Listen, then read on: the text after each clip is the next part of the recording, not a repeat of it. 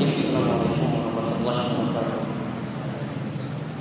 Alhamdulillahirabbil alamin hamdan katsiran tayyiban barakan fi kama yuhibbu rabbuna wa yarda wa asyhadu an la ilaha illallah wahdahu la syarika lah wa asyhadu anna muhammadan abduhu wa rasuluh Allahumma shalli ala nabiyyina wa sayyidina Muhammad wa ala alihi wa man tabi'ahum bi ihsan ila yaumil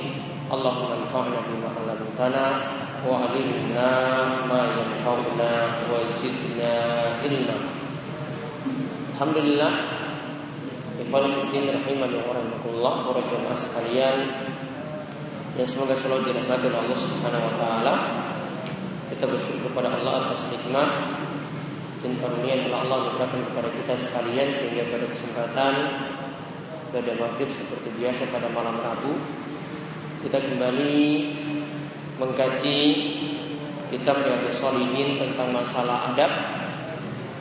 Kali ini kita kembali melanjutkan masalah adab safar. Pada pertemuan sebelumnya tentang masalah menolong teman ketika safar yang kita bahas.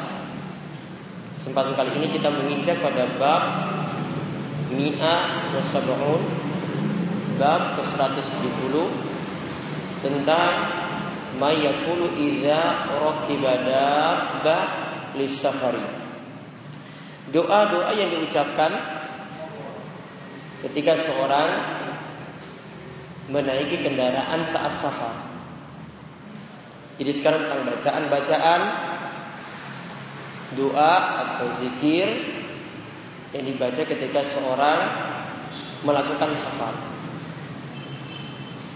Imam Nawawi terlebih dahulu membawakan firman Allah Subhanahu wa taala wa ja'ala lakum minal fulki wal an'ami ma tarkabun. Dan dia yaitu Allah menjadikan bagi kalian al-fulki kapal dan menjadikan bagi kalian al-an'am hewan ternak.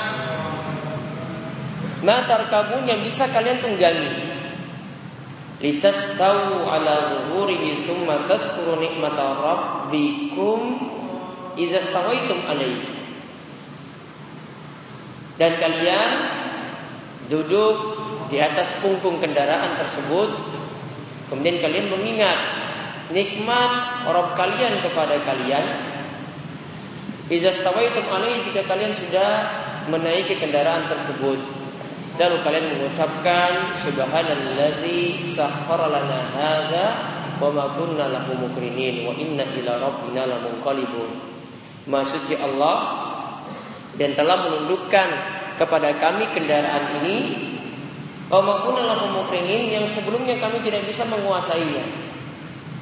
Wa inna ila rabbina lamunqalibun dan kepada Rabb kita yaitu Allah Subhanahu wa taala kita nantinya akan kembali.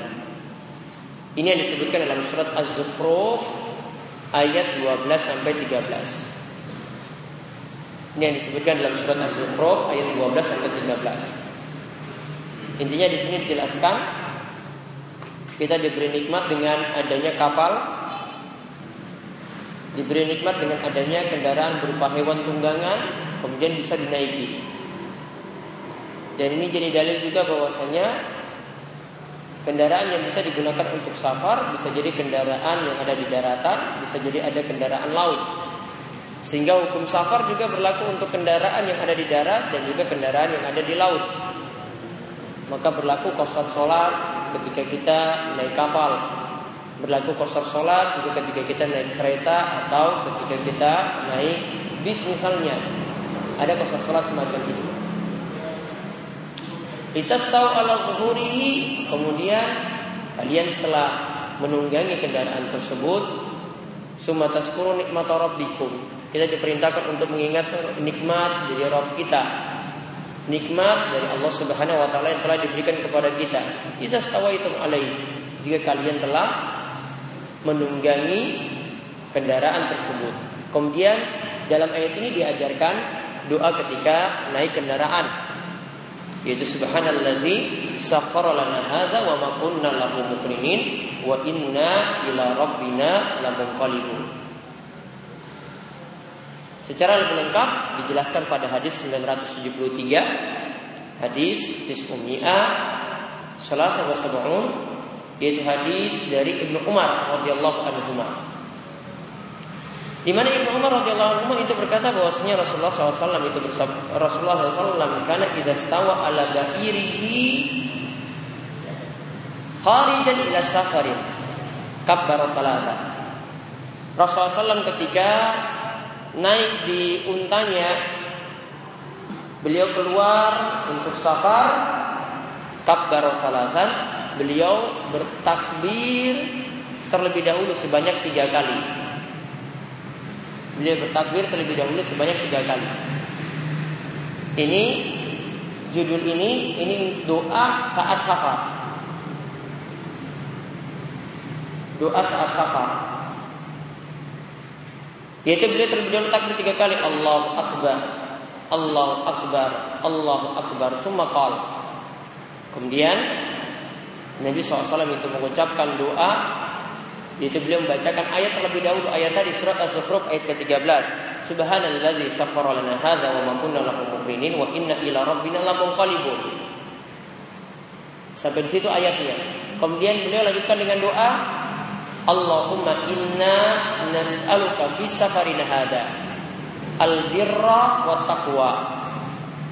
Ya Allah, Inna nas'aluka kami meminta kepadamu fi safarina hadza di safar kami ini meminta albir kebaikan dan juga minta at-taqwa ketakwaan. Wa minal amali ma dan meminta kepadamu amalan yang diridhai.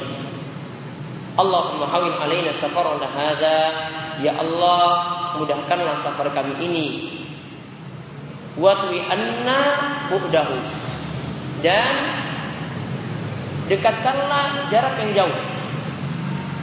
Ya, dekatkanlah jarak yang jauh.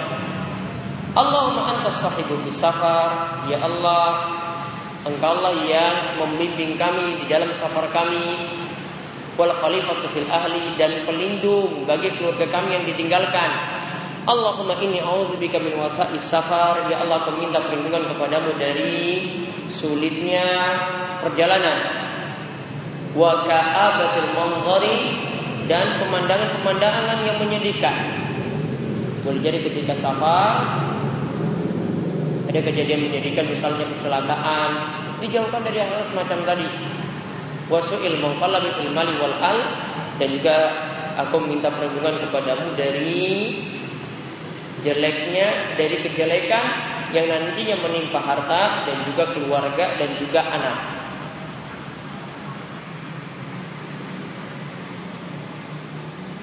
Namun lafaz al-walad ini tidak didapati dalam lafaz Muslim, ini terdapat dalam lafaz Ibnu Hibban.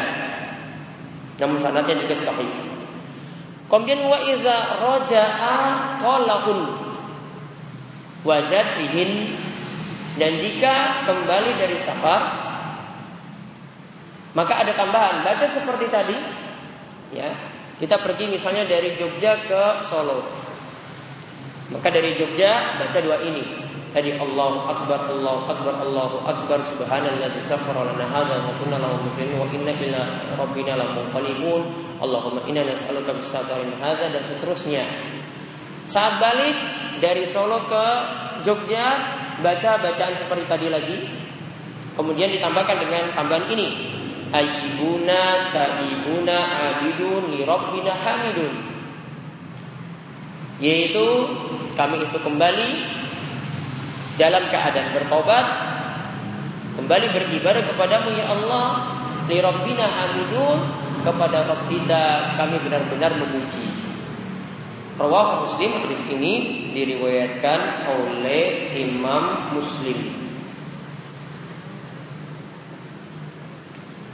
Imam Nawawi memberikan uh, mufradat atau kosakata. Beliau katakan mukrinin maksudnya mutikin yang tadi dalam surat Az-Zukhruf ayat ke-13.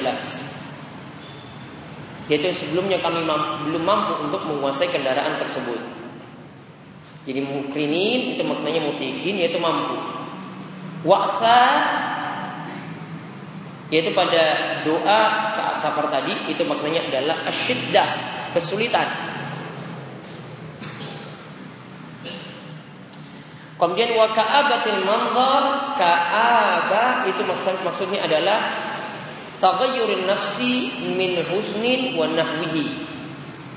Yaitu keadaan seorang yang berubah senang berubah jadi sedih. Ya, keadaan yang berubah ketika safar.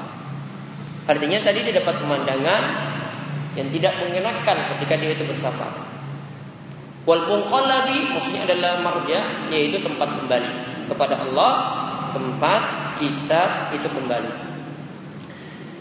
Sebenarnya lafaz ayibuna, taibun, abidun, li rabbina hamidun. Ini salah satu riwayat dalam Sahih Bukhari disebutkan.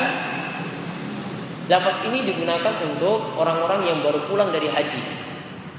Ya, orang-orang yang baru pulang dari haji dia baca seperti itu tadi Allahu Akbar, Allahu Akbar, Subhanallah, wa Seterusnya sampai ditambahkan dengan ayibuna ta'ibuna abiduna li rabbina hamidun. Kami kembali dalam keadaan bertobat. Dalam keadaan nanti kembali lagi beribadah kepada Allah dan kepada Rabb kami yang kami itu benar-benar memujinya. Ini pas dengan keadaan orang yang berpulang dari haji, yang baru pulang dari haji, keadaannya mereka itu benar-benar ya kalau mereka hajinya itu benar, tidak ada fusuk, tidak ada perbuatan fasik, tidak ada rofaf, tidak ada kata-kata kotor yang keluar, tidak penuh emosi ketika haji. Maka ketika mereka balik seperti yaumun dan ummuhu, yaitu kata Nabi SAW mereka kembali seperti baru dilahirkan oleh ibunya sendiri. Artinya bersih dari dosa-dosa ketika itu. Nah ini dapati jika hajinya itu benar. Artinya dia meninggalkan tadi kefasikan, maksud-maksud dia tinggalkan tunaikan haji dengan sempurna, yang jadi rukun dia penuhi, yang jadi syarat-syarat dia penuhi, yang jadi sunnah-sunnah dia lengkapi, kemudian yang larang-larangan ketika ihram dia tinggalkan, ya dan juga segala kewajiban, wajib-wajib haji juga dia penuhi seluruhnya, karena ada yang menjadi rukun, ada yang menjadi wajib. Maka kalau dipenuhi dengan benar, maka dia akan pulang nanti ketika dia kembali ke tanah air seperti bayi yang baru lahir artinya bersih dari dosa-dosa. Maka doa ini yang terakhir tadi ayibun taibun abidun rabbina hamidun ini pas untuk orang-orang yang baru pulang dari haji. Jadi kalau ada keluarga yang haji sarankan untuk membaca ini ketika pulang. Ya, dia dari sana dari Jeddah misalnya bertolak dari Jeddah atau dari Madinah Nah saat bertolak membaca doa ini. Ayyibuna ta'ibun abidun lirabbina hamidun. Baca secara lengkap baru ditutup dengan doa tadi Faedah yang bisa kita ambil kata Imam Nawawi. Karena hadis tadi diriwayatkan oleh Imam Muslim Maka dalam syarah Sahih Muslim Ada penjelasan hadis ini Namun hadis ini diterangkan dalam Al-Majmu' Syarah Muhadzab. Fikih Kita fikih yang paling tinggi dalam mazhab Syafi'i itu dikatakan disunahkan bagi orang yang keluar rumah saat dia naik kendaraan ini bukan hanya dabah saja, bukan hanya hewan tunggangan, setiap kendaraan mau motor, mau mobil juga bisa memakai hal ini. Maka ketika kita mengucapkan doa semacam tadi, yaitu mengucapkan terlebih dahulu Bismillah saat sudah berada di atas kendaraan jadi ucapan bismillah dulu saat sudah berada di atas kendaraan kata Imam Nawawi lalu mengucapkan alhamdulillah lalu mengucapkan zikir yang telah diajarkan tadi. Allahu akbar, Allahu akbar, Allahu akbar subhanalladzi sakhkhara lana hadza wa kunna lahu muqrinin wa inna ila rabbina lamunqalibun. Kandungan doa tadi atau bacaan tadi yang pertama menunjukkan Pujian kepada Allah Subhanahu wa taala. Karena telah dimudahkan untuk memakai kendaraan. Pujian kepada Allah karena sudah dimudahkan untuk memakai kendaraan. Dan memiliki kendaraan seperti tadi adalah nikmat. Baik itu hewan tunggangan, baik itu motor ataupun mobil atau pesawat, itu adalah nikmat. Makanya dikatakan tadi summa tazkuru nikmat rabbikum. Kemudian kalian mengingat nikmat dari Rabb kalian. Berarti memakai kendaraan tadi adalah nikmat. Berarti memakai kendaraan itu adalah nikmat yang patut disyukuri. Kemudian kandungan dari doa tadi lagi kita meminta isi doanya itu meminta yang pertama agar diberikan kebaikan dan ketakwaan. Saat safar diberikan kebaikan dan ketakwaan. Karena betapa banyak orang yang ketika safar malah lalai dari ibadah. Ingin tidur terus, tidak mengingat sholat. Apalagi kalau melakukan perjalanan dengan kereta atau pesawat yang kita tidak mungkin turun dari kendaraan. Banyak yang luput dari sholat subuh kalau dia melakukan safar di malam hari. Dia tidak memperhatikan keadaan langit di kanan kiri. Apakah sudah terbit fajar atau belum? Yang paling mudah itu ketika berada di pesawat. Ya, jarang yang memperhatikan seperti itu. Padahal kalau dia semakin ke timur, terbit fajarnya itu semakin cepat. Jadi dia harus juga memperhatikan keadaan langit yang ada.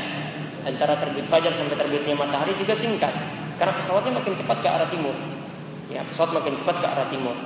Sehingga butuh adanya albir wa taqwa ketika safar. Ini pentingnya meminta seperti itu. Nah, sedikit yang minta seperti ini makanya dalam ibadahnya sulit atau lalai sama sekali ketika safar. Coba lihat di stasiun-stasiun kereta atau ketika kita naik kereta atau naik bis. Mungkin satu dua saja yang mau berhenti.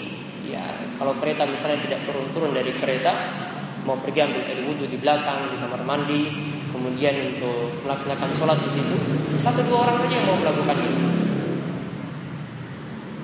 Kemudian yang kedua, kita minta pada Allah amalan yang diridhoi. Yaitu di antara maksudnya di sini adalah meminta kepada Allah Subhanahu wa taala agar amalan kita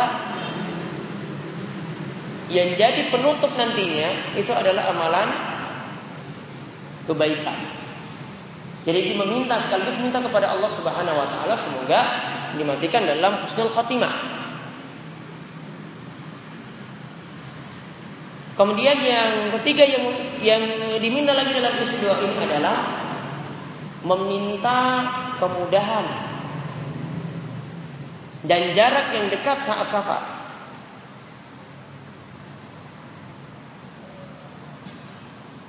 Jadi jaraknya kita minta, ya mungkin itu jauh, namun karena Allah yang beri kemudahan, yang jauh itu terasa dekat. Kemudian dimudahkan lagi dalam perjalanannya, rasa capek itu dihilangkan, tidak begitu capek saat perjalanan. Jauh ini akan membantu kita saat kita itu bersama.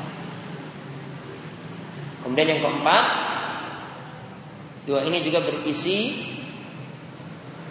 minta Allah jadi pelindung dan penolong untuk diri kita dan keluarga yang ditinggalkan. Untuk diri kita dan keluarga yang ditinggalkan. Kemudian permintaan yang terakhir dari isi doa ini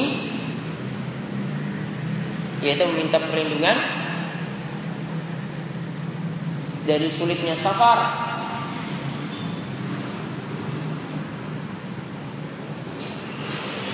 keadaan dan keadaan yang menjadikan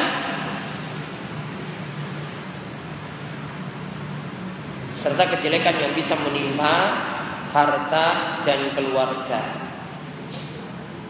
serta kejelekan yang bisa menimpa harta dan keluarga. Nah doa seperti ini silakan nanti bisa dilihat di kitab Hisnul Muslim karya Sa'ad bin Wah al qahtani Akan disebutkan doa semacam ini juga ada. Jadi bagusnya membawa buku saku ini kalau belum hafal doa saat safar tadi. Kemudian hadis nomor Tis'umia Arba'a wa Sab'un 974 Masih membicarakan juga tentang Bacaan saat safar Yaitu dari Abdullah bin Sarjis. Dari Abdullah bin Sarjis.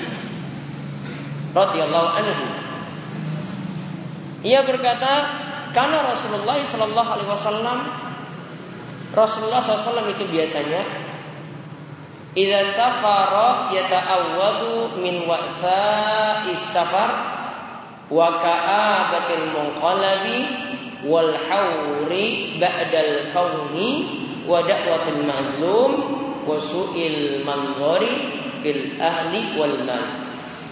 Rasulullah SAW ketika safar beliau itu biasa minta perlindungan yang pertama dari sulitnya atau beratnya perjalanan. Mungkin ketika naik kapal ombak yang besar, mungkin naik pesawat ketika itu goncangan yang kuat. Kemudian yang kedua, ka'abatil mukhalabi keadaan sedih ketika kembali. Ya keadaan sedih ketika kembali. Kemudian yang ketiga yang beliau Shallallahu Alaihi Wasallam minta perlindungan lagi adalah wal hauri ba'dal qaum. Keadaan yang penuh kekurangan setelah sebelumnya itu dalam keadaan lebih. Jadi saat safar kok jadi kurang, bekal minuman jadi berkurang, uang saku jadi berkurang. Rasulullah SAW minta perlindungan dari hal itu pula. Kemudian yang keempat, wajah wakil mazlum. Yaitu dari doa orang yang terzolimi. Minta perlindungan dari doa orang yang terzolimi. Jadi boleh jadi kita zolimi orang lain, orang lain doakan jelek kepada kita. Doa ini pengaruh ketika kita safar. Kita minta perlindungan pada Allah, barangkali kezaliman tadi ini adalah kesalahan dari kita. Mudah-mudahan doa dia itu tidak sampai kepada kita. Ya, dan ini jadi tanda bahwasanya jangan sampai kita menzulimi orang lain. Kemudian yang kelima, wasu'il manzari fil ahli wal mal. Pemandangan yang jelek ketika melihat harta, ketika melihat keluarga dan harta. Maksudnya barangkali ketika pulang keluarganya jatuh sakit, barangkali ketika pulang hartanya itu jadi ludes, barangkali ketika pulang rumahnya itu dirampok, Rawah Muslim di sini diriwayatkan oleh Imam Bukhari dan Muslim.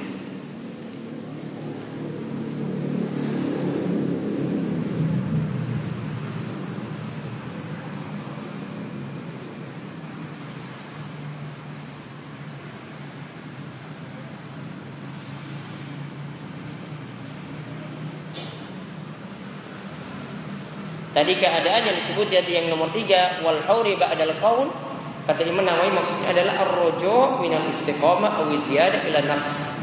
Yaitu keadaan yang seorang sudah istiqomah, sudah berlebihan, kemudian jadi penuh kekurangan. Jadi doa tadi berisi meminta perlindungan dari lima hal tadi. Jadi hadis tadi menerangkan tentang doa safar yang tadi sudah kita sebutkan pada hadis nomor 973. Nah sekarang kita lihat hadis nomor 975 Ini doa saat naik kendaraan. Jadi doa saat safarnya sendiri. Kalau doa saat safar Itu ketika kita sudah mau naik ke atas kendaraan Kita baca bismillah. Saat sudah duduk baru baca doa saat safar. Kalau ini doa naik kendaraannya. Ya, Doa naik kendaraannya sini umum berarti. Ketika kita tidak safar baca doa ini. Saat safar juga baca doa ini yaitu hadisnya dari Ali bin Rabi'ah.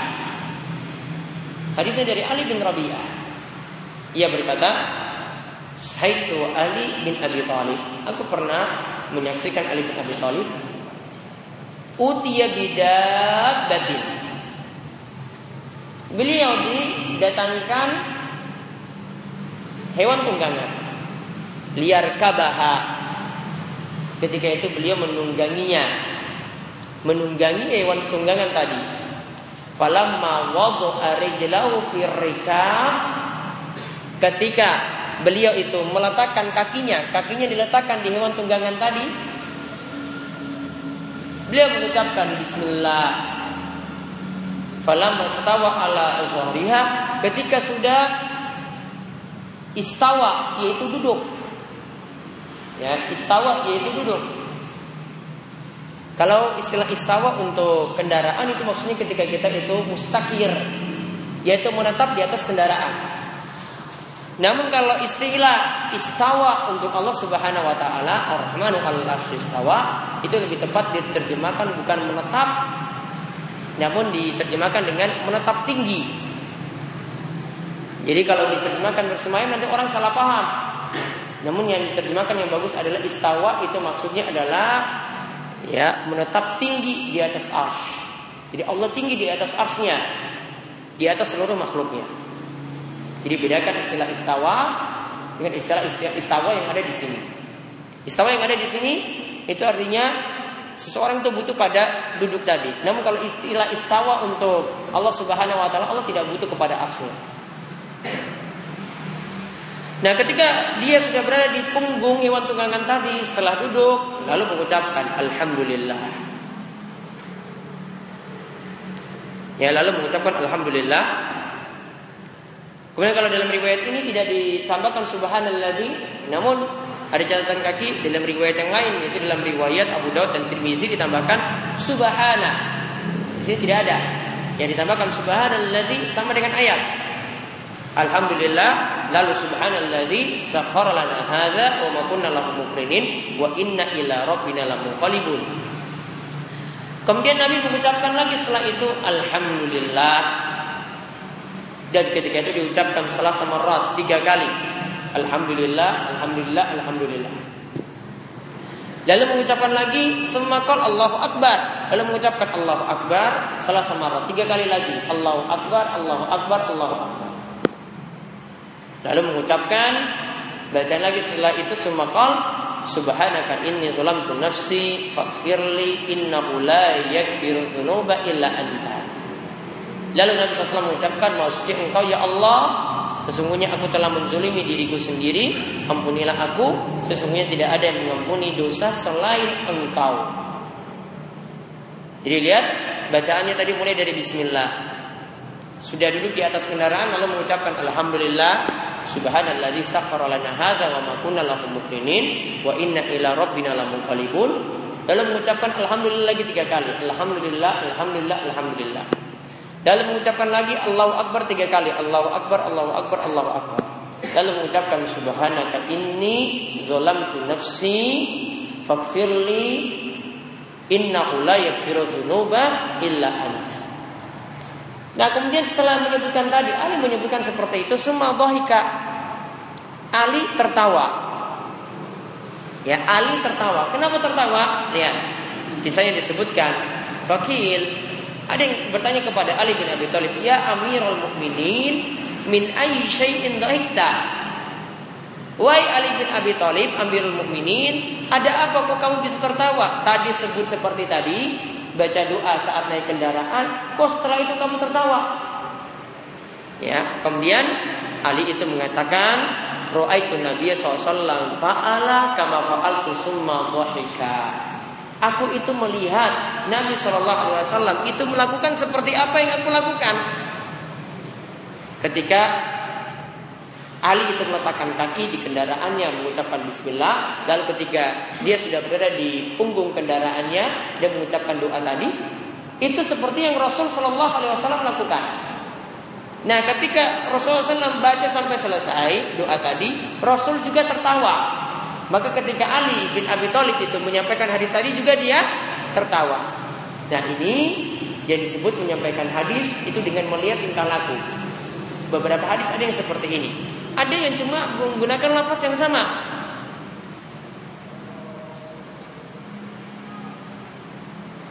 Seperti misalnya eh, setiap perawi dalam hadis itu mereka selalu katakan kepada murid yang berada di bawahnya, Ya, aku sangat menyukai sekali jika engkau membaca setiap dubur solat membaca Allahumma inni ala zikrika wa syukrika wa husni ibadati.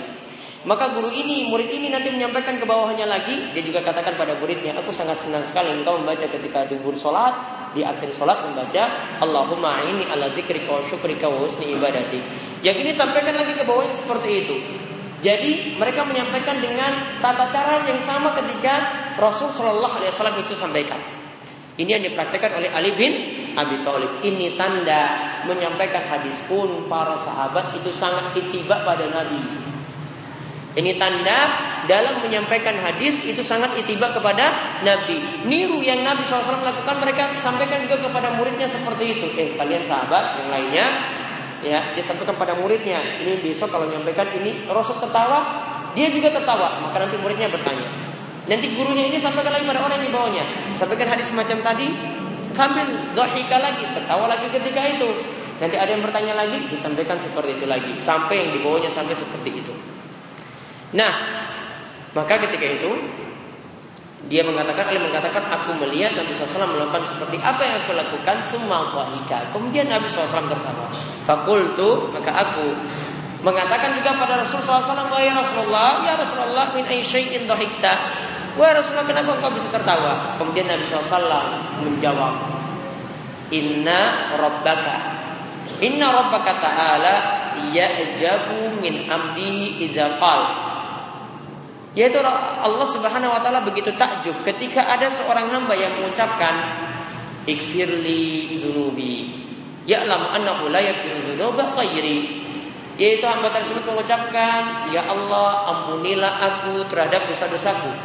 Dan dia tahu bahwasanya Allah itu mengampun dan tidak ada yang mengampuni dosa kecuali aku yaitu kecuali Allah Subhanahu wa taala. Maka karena dia berdoa itu tadi meminta ampunan seperti itu maka Rasulullah SAW itu tersenyum atau tertawa tadi. Hadis ini diriwayatkan oleh Abu Daud dan Tirmizi yang dikatakan hadisnya itu hasan dan dalam beberapa literatur disebutkan hadisnya adalah hasan sahih. Dan lafaz ini adalah lafaz dari Abu Daud. Maka di sini menunjukkan doa ini doa saat naik kendaraan. Ini bukan hanya saat safar, naik motor mau pergi kuliah baca doa ini. Ya, mau pulang dari kajian baca juga doa ini. Yaitu mulai dari bacaan tadi Bismillah. Ketika sudah berada di atas kendaraan lalu mengucapkan Alhamdulillah Subhanalladzi sakhara lana hadza wa kunna lahu muqrinin wa inna ila rabbina lamunqalibun. Lalu mengucapkan alhamdulillah, alhamdulillah, alhamdulillah tiga kali lalu Allah Akbar Allahu Akbar Allahu Akbar lalu mengucapkan subhanaka inni dzalamtu nafsi faghfirli innahu la yaghfiru dzunuba illa anta ini doa naik kendaraan doa ini berisi beberapa kandungan. Yang pertama memuji Allah karena sudah dimudahkan naik kendaraan memuji Allah karena sudah dimudahkan naik kendaraan Kemudian yang kedua, doa ini juga berisi penjelasan mengagungkan Allah dengan bertakbir saat naik kendaraan. Mengagungkan Allah dengan bertakbir saat naik kendaraan. Baru yang terakhir, doa ini berisi pengakuan terhadap dosa-dosa ya berisi pengakuan terhadap dosa-dosa. Dan itulah doa yang dibaca ketika safar dan juga dibaca ketika kita sudah naik di atas kendaraan kita. Oke, itu saja yang bisa kami sampaikan. Ada satu pertanyaan? Ya.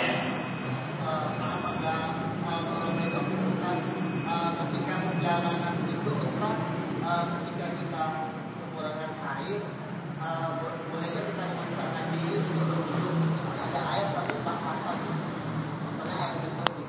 kalau air untuk minum cuma darurat itu untuk minum saja boleh ganti tayamum. Kalau itu cuma air untuk minum saja, tidak ada air yang lainnya, maka ganti tayamum.